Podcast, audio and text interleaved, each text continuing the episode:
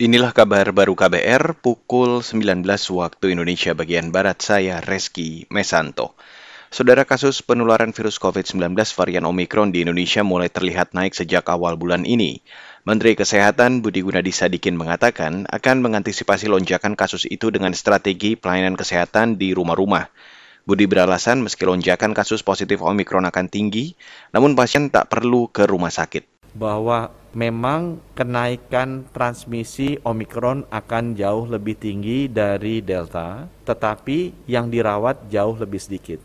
Sehingga strategi layanan dari Kementerian Kesehatan akan digeser, yang sebelumnya fokusnya ke rumah sakit, sekarang fokusnya ke rumah. Karena akan banyak orang yang terkena dan tidak perlu ke rumah sakit. Menteri Kesehatan Budi Gunadi Sadikin menambahkan, kebijakan itu berdasarkan hasil penelitian terhadap lebih dari 400 pasien yang terinfeksi Omikron.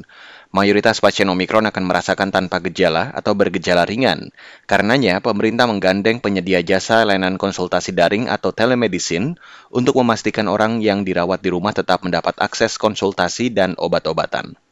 Beralih ke berita selanjutnya, Saudara. Komisi Pemberantasan Korupsi atau KPK mengingatkan kepala daerah untuk menghindari potensi konflik kepentingan dan penyalahgunaan wewenang dalam proses pengadaan barang dan jasa maupun lelang jabatan.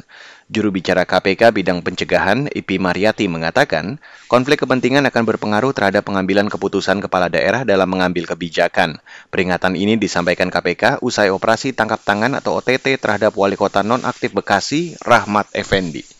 Dari studi yang dilakukan KPK tentang konflik kepentingan, salah satu faktor pendorong atau penyebab terjadinya tindak pidana korupsi oleh penyelenggara negara adalah konflik kepentingan, yaitu situasi di mana penyelenggara negara yang memiliki kekuasaan dan kewenangan berdasarkan peraturan perundang-undangan diduga memiliki kepentingan pribadi atas penggunaan setiap wewenang yang dimilikinya sehingga dapat mempengaruhi netralitas keputusan yang seharusnya.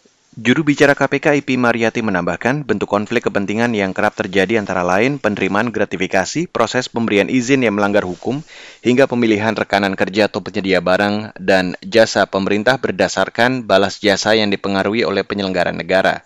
KPK merekomendasikan agar instansi memperbaiki nilai sistem termasuk pembangunan budaya instansi yang sesuai nilai-nilai integritas. Saudara pemerintah Kabupaten Rembang menginstruksikan para aparatur negara memantau penyaluran bantuan alat mesin pertanian ke masyarakat. Wakil Bupati Rembang Muhammad Hanis Holil Baru meminta agar dilakukan cek ulang terkait fungsi dan keberadaan bantuan tersebut. Selengkapnya, saya ajak Anda untuk langsung bergabung bersama reporter radio jaringan Musyafa dari Radio R2B Rembang. Musyafa.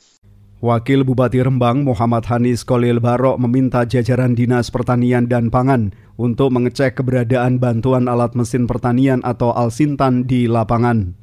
Saya minta penerima-penerima bantuan yang kemarin dapat itu kelompok-kelompok ini supaya dicek.